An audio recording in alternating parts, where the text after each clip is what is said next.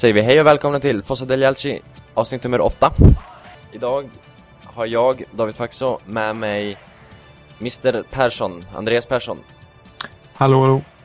Jag har också med mig Daniel Ljungström, Svenska fans-skribent Ja, stämmer det. Hallå, hallå. För Juventus av alla klubbar Stämmer det. Kanske logiskt eftersom vi idag kommer att snacka om eh, Milan-Juventus såklart, 1-0-segern Kommer också prata om eh, de uppkommande ligamatcherna. Milan-Catania framförallt, men vi är även inne och nuddar lite på Torino-derbyt.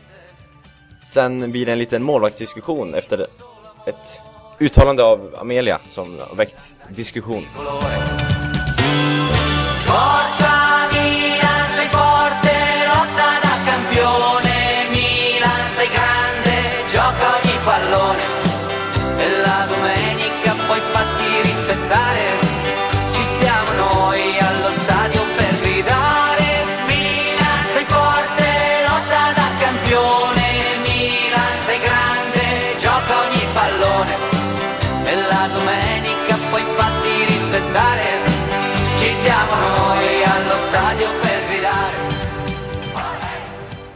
Juventus-Milan, eller Milan-Juventus, seger 1-0 Ganska chockerande för de flesta milanister, men ack så skön Daniel, vad tyckte du om matchen utifrån en Juventinos ögon? Ja, det är inte så mycket mer att säga än att det var en rättvis seger. Uh, Juventus kom ut med helt fel inställning, eller rättare sagt ingen inställning alls till att spela fotboll. Det är sällan jag sett dem vara så oinspirerade som de var nu i helgen. Jag tror faktiskt inte jag sett dem spela så dåligt sen de tränades av Del Neri för två säsonger sedan. Det var liksom ingen, ingen motivation eller glöd hos spelarna. Felpassningar till höger och vänster. Inga offensiva löpningar, inget defensivt jobb. Det var liksom... Nej, det fanns ingen glöd på plan överhuvudtaget. Så det är inte så konstigt att Milan vann, egentligen. Andreas, köper du det han säger eller var det Milan som gjorde dem dåliga? Ja, både och är det väl eh, någon slags kombination såklart. Men eh, det var ju märkbart att, eh, att Milan var mer inställda än vad Juventus var. Om man kollar till förutsättningarna från, eh, från eh, veckan innan så höll jag ju Juventus till början för, eh, som stora favoriter. De hade en match mindre, eller en dag mindre. Milan hade en dag mindre alltså eh, vila och de kom från en match där de hade kämpat borta mot Anderlecht och Juventus hade liksom kört över eh, Chelsea om man säger så. Och, och hade liksom en positiv känsla i laget. Borde ha det tycker man men eh, går ändå in i den här matchen och visar en väldigt dålig inställning som eh, Daniel är inne på. Märkligt tycker jag.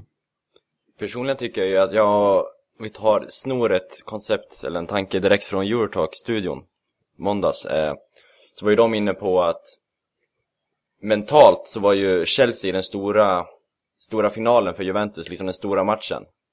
Medan eh, Anderlecht, ja visst, den var viktig för Milan, men matchen mot Juventus, det var den som betydde allt.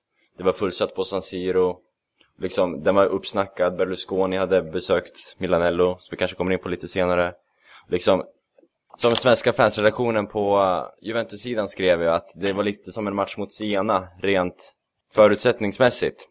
Milan i botten, eller i mitten av tabellen och Juventus i topp. Så det var liksom inte, det kändes inte som Juventus gick in med samma inställning till matchen som Milan. Nej, alltså, liksom- jag är mest konfunderad över för att de pratade om efteråt, Alessio nämnde ju att han sa att många av spelarna var slutkörda efter Chelsea-matchen och att det var, alltså, många var trötta överlag.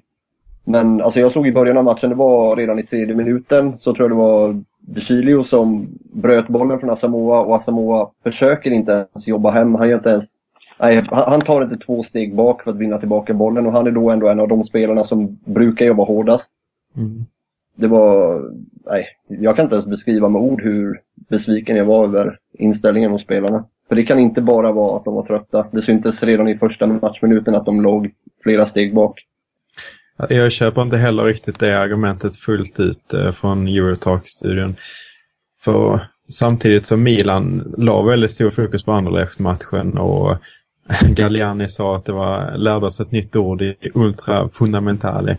Eh, kunde inte beskriva hur viktig den matchen var med ord liksom. Vi blev anklagade lite eh, i något kommentarsfält att eh, vara historielösa som inte trodde att, eller som blev förvånade att den här matchen blev slutsåld eh, så snabbt som man jämför med derbyt. Och då får man ju säga att spelarna i Juventus i sådana fall är det om de behandlar den här matchen som sena. Liksom. Det är ju ändå eh, ett av de största mötena i Italien. Väldigt stor rivalitet och det borde ju spelarna förstå. Ja. Om vi går på matchen i sig, spelmässigt. Mest snackade efteråt och ja, efteråt under matchen. Robinhos straff. Eller det som ledde till straffen. Rizzolis beslut är väl det som har diskuterats. Vad eh, tyckte du Daniel? Nej, alltså det finns inte så mycket mer att säga än att det var ju en felaktig straff, såg man i efterhand. Dock tycker jag att när man såg den från, alltså när man såg den i direktsändning så var det ändå, jag, jag kan gott köpa att domaren blåste straff. Sen att det inte var hans eget beslut utan att det var ja, linjedomaren då som, alltså, som vinkade på att det var straff. Det är sånt som händer. Jag lägger inte skulden på honom för det är så. Alltså, topplagen får beslut för alltså åt båda håll. Det hände med Juventus, Milan, Inter. Så uh, den här gången gick det mot Juventus. Det har kommit till deras fördel tidigare också. Så att, tyvärr föll vi på det, men det är sånt som händer. Mm. Alltså jag måste säga att första reprisen jag såg, alltså den allra första reprisvinkeln så tyckte jag också det såg ut som straff. Eh, första gången jag såg den då. Eh, sen när man såg det från en annan vinkel så såg det ut att ta på eh, under armen då. Men eh, det var väldigt svårt eh, domslut. Det. Men det var inte straff, det ska man inte säga. Nej, Samtidigt så kan man komma ihåg att Juventus till exempel hade deras enda läge i första halvlek tror jag kom upp efter att de stod offside i eh, rätt, ganska tydligt och den situationen tycker jag i sig är värre för att det var så enkelt att se att han var en halv meter offside ungefär. Mm. Eh, alltså den här är, det är så väldigt liten marginal och vad gör han med armen där och så vidare. Så jag kan köpa att det är, man dömer straff precis som Daniel säger, men det är ju inte straff. Det är mycket psykologiskt spel på det där eh, med Montari-målet som bakgrund och besluten som Juventus fått med sig den här säsongen. Eh, det är klart att det sitter i huvudet att skulle domarna missa en straff, som det såg ut att vara i första, vid första anblick, så skulle liksom det späs på ännu mer om konspirationsteorier och köpta domar och så vidare. Så mm. att de blåste där, det är inte konstigt alls i mina ögon. Ja. Det jag tycker är lite tråkigt det var just det att Modri gick ut före matchen och påpekade att Rizzoli kan komma att blåsa till Milans fördel eftersom han har varit i blåsväder nu och gett Juventus fördelar. Mm. För som sagt, den här situationen var oerhört svårbedömd och sen att det råkar vara en felaktig straff det, det gör det hela mycket tråkigare tycker jag för jag klandrar faktiskt inte honom i det här fallet. Men det blir lite värre nu när Modji gick ut innan och sa att han skulle ha, ja, att det fanns en möjlighet att det skulle bli till Milans fördel att ha honom som domare. Och, det, och även Galliani och Allegri var ute och sa innan att eh, Rizzoli var, eller är Italiens bästa domare. Eh, och det är liksom, ja, allt sånt har, spelar in på ett eller annat sätt. Även om det som sagt fortfarande inte är var Rizzoli som tog själva domslutet. Ja, alltså Modji har ju, man kan ju tycka väldigt mycket om honom men han har ju en ganska bra förståelse och han säger ganska ofta vad han tycker och tänker och eh, det är en korrekt analys han gjorde, eh, tyckte jag. Så kanske man inte borde säga det. Om vi tar eh, spelarinsatser. Milan eh, fick ju otroligt stora lovord över sig och framförallt Mittfältet förstås, de Jong, Montolivo och Nocerino. Men kanske framförallt de båda ytterbackarna. I mm. eh, de, eller de Chiglo och Kevin Constant, som du har lovat Ke att du ska kolla honom, Andreas. Kevin. Kevin Constant. Eh, har vi hittat vår nya vänsterback? ja, uppenbart. Om man ser eh, De Chilio eh, kändes ju mer uppenbart att han skulle göra en bra match. Eller uppenbart, uppenbart. Men han har ju visat den här säsongen att han är väldigt bra och är väldigt lovande. Kommer att bli en stor back i framtiden. Men eh, Konstant är ju lite mer otippad. Men gör en fantastisk match. Även om den här dribblingsräden han gör där han gör bort väldigt många eh, Juventini. Den, den har jag lite svårt för för den eh, man vinner ingenting på sån dribbling och riskerar väldigt mycket. Så spelförståelsen kanske inte alltid finns där, men... Eh, så är han ju också en ytter som är omskolad, precis som Abate, Antonini. Han Mm. har är väl van att högre upp på planen får man dribbla, men kanske inte som ytterback.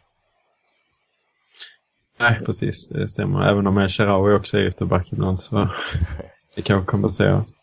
Vad tyckte du om eh, Milans ytterbackar, Daniel? Eh, till att börja med, jag håller med om att DeCilio var väldigt duktig. För att även om Asamoah inte kom upp i normal standard som vi Juventini är vana vid att se honom i så skötte sig ändå DeCilio flitt. för han hade kontroll på vad som hände och jag tycker defensivt han tog väldigt smarta beslut. Inte bara när det gäller närkampsspel och markering utan även uppspel. Han värderade situationerna rätt i princip hela tiden.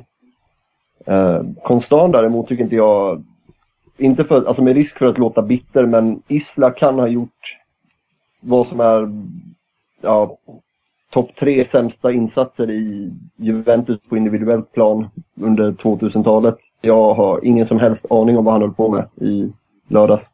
Nej. Eller i söndags, förlåt. Nej, det... han, han förlorade boll hela tiden. Varenda inlägg var, alltså, räckte det liksom att Konstant satte benet framför. Han fick inte till det överhuvudtaget. Sen så skötte han sin uppgift Konstant, absolut. Men eh, De hade ju en svårare uppgift på sin kant. Och därför är De Chilio Andreas favorit. Yes. Om vi, eller okay, De Chilo ut, hade ju en eh, ganska lång intervju faktiskt i eh, någon italiensk media, kommer inte ihåg vilken just nu, men där han berättar om att, som du sa Daniel, att han eh, liksom värderar situationerna väldigt noggrant och försöker så spela så otroligt enkelt som möjligt, som man kan. Och att det svåra momenten får komma senare när han liksom har fått lite kött på ben och han har fått sin rutin och ja, utvecklats helt enkelt. Och det känns ju moget och Nej, men jag håller med. Han känns väldigt... Eh, ja, som sagt, han värderar situationen rätt och känns väldigt mogen trots sin ringa ålder. Så att eh, det är fullt möjligt att ni har fått en väldigt kompetent ytterback där framöver. Mm. Potential finns definitivt. Mm. Det blir ju sv- svårt för Abate när han är tillbaks att ta tillbaks platsen. Eller vad tror du Andreas? Jag jämför potentialen mellan dem så är det ju... Den väger över ganska tydligt till eh, nummer två.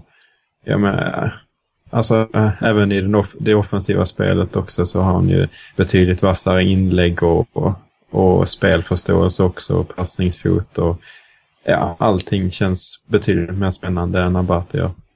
Mittfältet, mest anmärkningsvärda var ju att Montolivo bar kaptensbindeln när spelarna traskade ut på San Siro.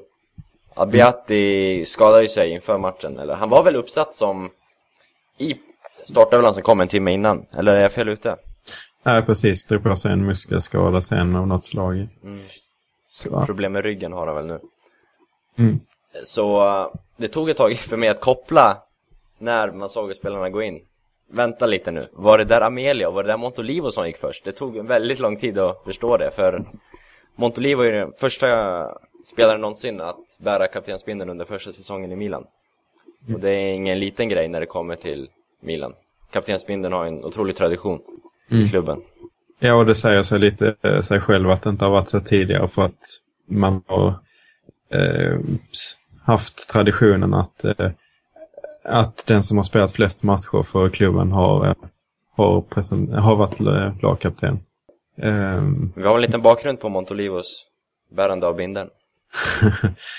ja, det är ju Berlusconi som ligger bakom det här. Han har ju sett eh, samma egenskaper som vi kanske har eh, pratat om i podcasten med hans eh, grinta och ja, hans väldigt bra, eh, hur han uppför sig på planen.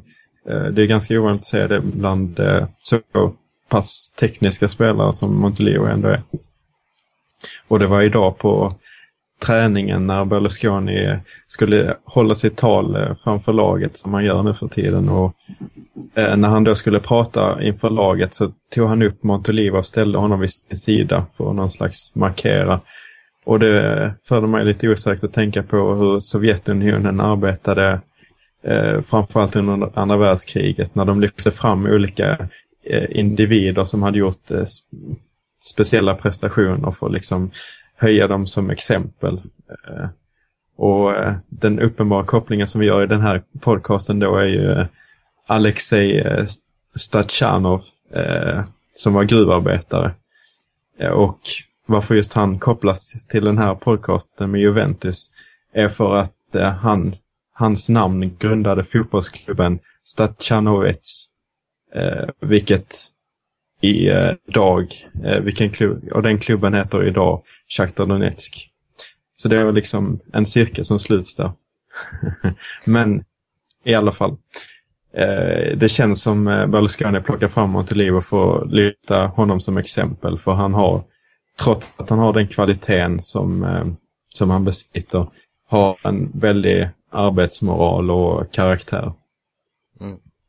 Och det var ju sagt att ifall Ab Abiati var ju osäker inför matchen och det var ju ifall Abiati inte kunde komma till spel så skulle ju Jepes agera kapten i form av rutinerad herre, kapten för landslaget och så vidare. Mm. Men, han, ja, han har också en inställning också. Det exakt. kan man inte ta från honom. Men eh, Berlusconi himself ska ju ha plockat ut Montolivo och nämnt, utnämnt honom till ja, vice kapten då och gruppen, laget har tydligen accepterat det så, så blev fallet. Milan, Milan, corre nessun ti prenderà Milan, Milan, il mondo intero puoi conquistar. Milan, Milan, corre va, più nessun ti fermerà. Milan, Milan, il mondo intero puoi conquistar. Om vi pratar om eh, ligan, ligamatcherna som kommer upp, vi har ju Milan-Catania imorgon, fredag. Men eh, eftersom Daniel är med oss, vi har ju en rykhet intressant match i Torino, Torino-derbyt. Vad eh, har du för känslor inför det? Eh, Jag är ganska orolig faktiskt med tanke på att eh, stort fokus kommer läggas på matchen mot Shakhtar nästa vecka. Så eh, jag är lite rädd för att det kan bli samma situation som mot Milan, att man fokuserar mer på Champions League nu än på ligan. Förhoppningsvis har man lärt sig läxan från förra helgen. Mm. Men Torino ska nog inte underskattas. I synnerhet inte när det är derby, så det kan bli tufft. Det är på Juventus Stadium va? Jajamän. Jag tror Torino har sett stabila ut eh, den här säsongen. Försvarsspelet tycker jag de är... Där ser de väldigt stabila ut av det jag har sett eh, i alla fall. Och det är, jag tror att supportrarna också verkligen vill ha en, en vinst nu. När lagen inte har mött på ett bra tag så känns det som matchen blir viktigare för dem. Så Juventus kanske inte har råd till att göra en så dålig match som mot en annan historisk eh, motståndare som eh, Milan då. Eh, nu på följd. Jag tror inte det är fallet att det blir så riktigt så dåligt för att som sagt det här kan vara den sämsta matchen på över två år och Conte, det är väl också framförallt att Conte hade, alltså han saknades verkligen i lördags för att Juventus gjorde ändå flera dåliga första halvlekar förra säsongen. Mm. Men det var ju då Conte verkligen tog tag i det i omklädningsrummet och spelarna kom ut som ett helt nytt lag efter paus. Den effekten har saknats lite nu den här säsongen när han inte har funnits vid sidlinjen. Mm. Men förhoppningsvis så är hans peptalk nu gett spelarna lite mer hunger inför derbyt. Så att, ja. Får hoppas på det i alla fall. Milan-Catania är väl det viktigaste, det är ju trots allt en Milan-podcast. På uh, fredag, imorgon. Milan uh, har rest ner redan. De fick ju resa en dag tidigare än vad de tänkte göra. Med tanke på att flygplatsen på Catania, eller i Catania, ja, inte var öppen helt enkelt. Så eh, Milan fick gå via någon form av NATO-flygplats. Och var på plats en dag innan. Men eh, truppen är uttagen. Abiat är inte med, fortfarande ryggproblem. Pato är fortfarande ute. Men eh, Mexes är trots allt med och är en av fem försvarare uttagna va? Ja, fyra eh, enligt om man kollar på trupperna. Men eh, konstant, konstant är, eh, är ju listad som mittfältare men spelar som försvarare. Så fem blir det ju då. Vad har du för tankar inför den?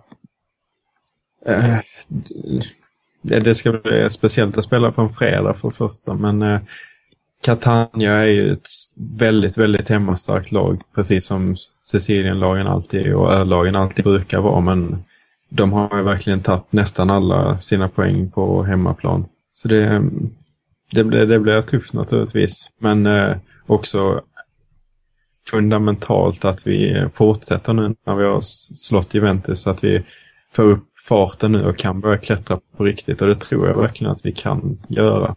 Nu har vi inte Champions League längre som, eh, vi, vi har ju fortfarande Champions League, men det är liksom gruppspelet det är det jobbiga att ta sig igenom och kombinera med ligaspelet.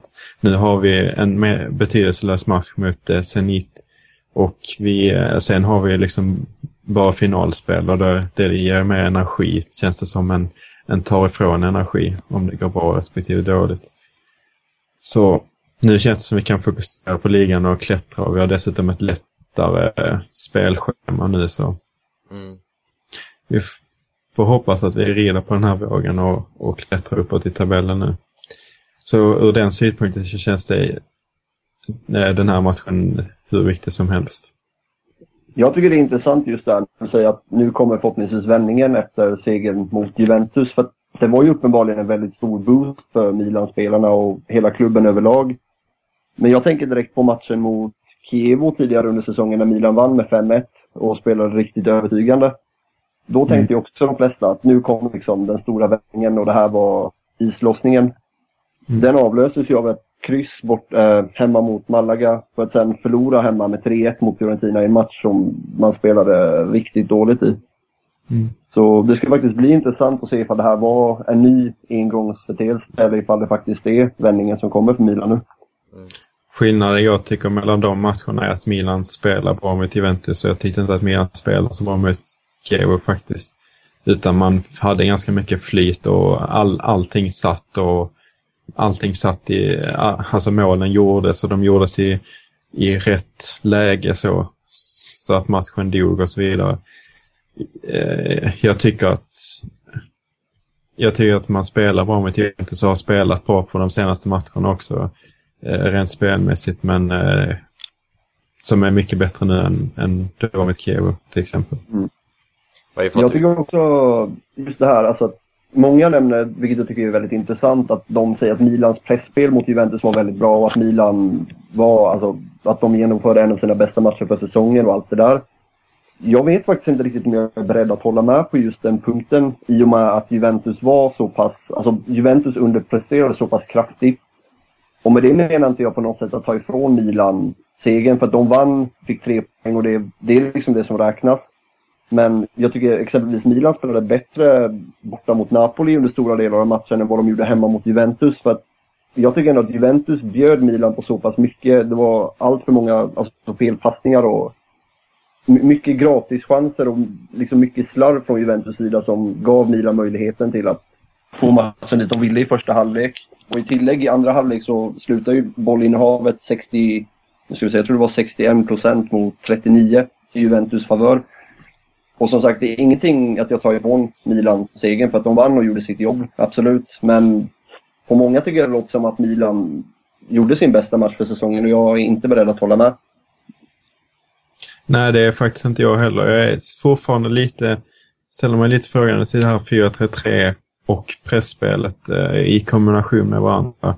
Eh, sen så är det klart att om man blir väldigt högt pressad som Juventus blir så gör man fler misstag och gör man kanske misstag så kanske det fortsätter eller då sänks självförtroendet och sådär så kanske man gör ännu mer misstag och så vidare. Det, det kan ju vara en negativ spiral så men, men det är långt ifrån bara Milans prestation som gjorde att Juventus spelade som de gjorde. Eh, det håller jag med om och eh, samtidigt som eh, vi spelade väldigt spelade med relativt hög press så var det med Robinho och eh, El Shaarawy gör det alltid men Robinho känns som han bara gör så i stormatcher när han taggar till och då är han jävligt bra. Men det känns som det, det inte är någonting som man kan förlita sig på i alla matcher. Att spela med det här spelet. Någon som, eh, om vi går tillbaka till det här med vändningen på säsongen. Någon som eh, verkligen tror på det och är på rejäl uppgång nu, eller har varit det under hela säsongen. Sharawi, Stefan El Sharawi. Som eh, ju gått ut och lovat att om, han, först och främst sa han att vilka tror du vinner säsongen? Då sa han Milan. Men sen lovade han också att om Milan vinner Scudetton så ska han eh, raka av sitt hår. Det är anmärkningsvärt. Något som vi väl får hoppas på. Förutom äran och liksom segern, att vinna Scudetton så att bara slippa den där frisyren vore ju guld i sig. Ja, då kan man ju börja älska honom på riktigt. Jag ser ju en viss liknelse med, med ditt äh, löfte om mina vinner Scudetton. Ja, just det. det. Det blir liksom omvänt. Sharawi lovar att han ska raka av sitt hår om vi vinner scudetton. Jag har ju lovat tillsammans med en polare att vi ska klippa oss som Stefan El Sharawi respektive Boateng ifall vi vinner. Och jag, ska jag lovade att jag skulle ta på mig ananas, Boatengs ananasfrisyr så. Det får det vara värt. Vinner Milan scudetton nu efter en sån här inledning så då bär jag stolt Boatengs fula frisyr. Det kan vara värt. Eh, jag är nöjd om vi når Champions League. Platserna. Klipper du dig? Eh, då kan jag skaffa Sharawis frisyr på benen. Så jag, rakar benen om, om vi når Champions League. Okej. Men som sagt, det känns inte helt omöjligt att vi skulle börja klättra. Och jag, jag tror absolut vi kan ha det som dröm att eh, nå Champions League. Även om det blir ofantligt svårt såklart. Eh, både Napoli och Lazio. Fiorentina, liksom, det, de imponerar väldigt mycket. Mm. Men klättra, det är jag rätt säker på att vi kommer göra nu. Ja, det har jag sagt under hela säsongen. Man har fått pikar och påpekningar. Åker ni ur nu? Och så vidare. Jag är garanterat att Milan kommer klättra. Frågan är bara när. Förhoppningsvis blir det nu, när spelschemat blir lite enklare. Ja, förhoppningsvis. Och det är liksom, det tar ett tag för ett spel att sitta. Eh, även och det tycker jag att det har gjort nu. Så jag ser inte någon speciell lösning i att eh, värva tungt nu när transferfönstret öppnar. Utan det känns som vi har, det är viktigare att vara samspelt och det materialet vi har är inte så jävla dåligt som folk påstod i, i början av säsongen. Sen är det ju ett mycket betydligt sämre lag än vad Juventus har till exempel. Ja, scudetton är väl inte realistisk för fem öre. Nej. Men Men det kan bli intressant att se det här. Alltså Milan inledde ju säsongen ganska dåligt. Och jag tycker det märkte det, alltså man märkte redan innan säsongen att många var ju skeptiska till hur det skulle gå nu när så många spelare har lämnat. Så man har liksom inte sett än vad laget är kapabel till att göra om det kommer en positiv trend. För spelarmaterialet är ändå helt okej. Så kommer tre, fyra raka segrar så eh, kan det faktiskt flyta på ganska bra. Sen räcker det väl förmodligen inte hela vägen men klättra absolut. Milan, Milan, corre più nessun ti fermerà. Milan, Milan, il mondo intero puoi conquistar. Milan, Milan, corre più nessun ti fermerà. Milan, Milan, il mondo intero puoi conquistar. något som har retat gallfeber på Juventinos är ju, eller Juventini heter det väl, eh, är Marco Amelias uttalanden efter matchen. Eh, till Milan Channel så sa målvakten att tillsammans med Abiati är jag det bästa målvaktsparet i Italien idag. Och då sitter ju Daniel och hans Juventus-polare med både Storari och framförallt Buffon. Och håller inte med om Abiat, eller Amelias uttalande. Vad tycker du om, vad tycker du om uttalandet, Daniel? Alltså, ser man på det som helhet så tycker jag faktiskt ändå att Milan har en väldigt bra målvaktsuppsättning. För nu är det viktigt att poängtera att det är inte bara första målvakt utan som par målvakt, äh, första målvakt och reservmålvakt. Uh, för jämför man Buffon och Abiati så är det inte så mycket att säga. Buffon är ju i en klass för sig. Däremot Storari och Amelia är inte... Jag håller personligen Storari som en bättre målvakt men Amelia är inte så, alltså han är fortfarande en väldigt kompetent målvakt så att för Milan att ha honom som reserv till Abiati är ändå betryggande. Så att, ja, jag säger att de har ändå ett av seriens bättre målvaktspar, absolut. Ja, om jag skulle vilja sätta det i, i eh, en helhet också så är ju eh, inte bara ett bättre par i serien utan även i, i eh, fotbollsvärlden. För att det finns få klubbar som har så pass bra par, alltså målvaktspar. Eh, vanligtvis så har reservmålvakten är oftast ganska mycket sämre. Men eh, Milan, och, eller, ja, Milan och Juventus är två undantag i det verkligen. Tycker även Inter. Tycker inte Castellazzi ska glömmas. Jag tycker han är en Nej. väldigt bra andra målis också. Mm. Ja. Men de som är bäst är väl Tottenham. Lloris, Gomez, Gudicini och gubben, vad han nu heter. Brad. Friedel, exakt. 42-åring. Där har vi fyra målvakter i absolut toppklass. Det är helt sjukt att Tottenham kan sitta på dem samtidigt, men men. Ja. Du bör ha i åtanke också då att eh, Juventus fortfarande äger Felipe Melo som för en helt fenomenal straffräddning för Galatasaray tidigare i veckan. Och kan kalla tillbaka honom när säsongen är slut så Ja, vi har det gott ställt som sagt. Då blir målvaktsuppsättningen överlägset bäst till Juventus ifall Melo anländer. Absolut. Jag ser ju Melo framför eh, Gabriel, våran tredje målis. Ja. Andreas, du nämnde ju någonting roligt där med Melo och Fifa tidigare. Ja, just det. Fifa har ju ett slags eh, Fifa Team of the Week om man spelar det nya versionen online och eh, där man som utmaning då får möta fotbollsvärldens bästa startelva. Och där ingår, gick alltså Filipe Melo som reservmålvakt. Eh, tyckte jag. Och det, jag vill ju lyfta fram, förutom straffräddningen, så är hans firande efter mål, den är ju helt magisk egentligen. Hur han sätter sig på alla fyra och liksom går runt som något djur. Trots att bollen liksom fortfarande är i spel. Jag tycker det är helt... Klassisk Melo. Man saknar ju lite Melo i ligan trots allt, trots att det är ett praktsvin. Ja, alltså, du visste i alla fall att någonting skulle hända med honom på plan. Sen om det var till Juventus fördel eller för motståndarnas underhållning gick inte att förutspå, men det var alltid någonting. Han var ju händelsernas centrum. Så, ja, en profil fattigare. Ja, det är ju verkligen, man är väldigt kliven inför det. Han är ju underhållande på sitt, men det är ju ingen, det är ingen eh, spelare man älskar precis. Gå från Fiorentina till Juventus på det sättet och säga att det var Gud som, eh, som bestämde det och så vidare. Det är jag lite skeptisk till på flera fronter. Lucio kan ju faktiskt göra liknande nu när han lämnar Juventus, inte för Juventus i somras och kan eventuellt vara aktuell för Milan nu i vinter. Så eh, ett trippelbyte där är ganska ovanligt. Uff, Lucio. Det tror jag inte och hoppas absolut inte på. Även om eh, jag och min lillebror, Interista, haft våra stunder med Lucio på plan. Jag tycker precis som Melo att Lucio är en spelare som underhåller mer eller mindre vad han gör.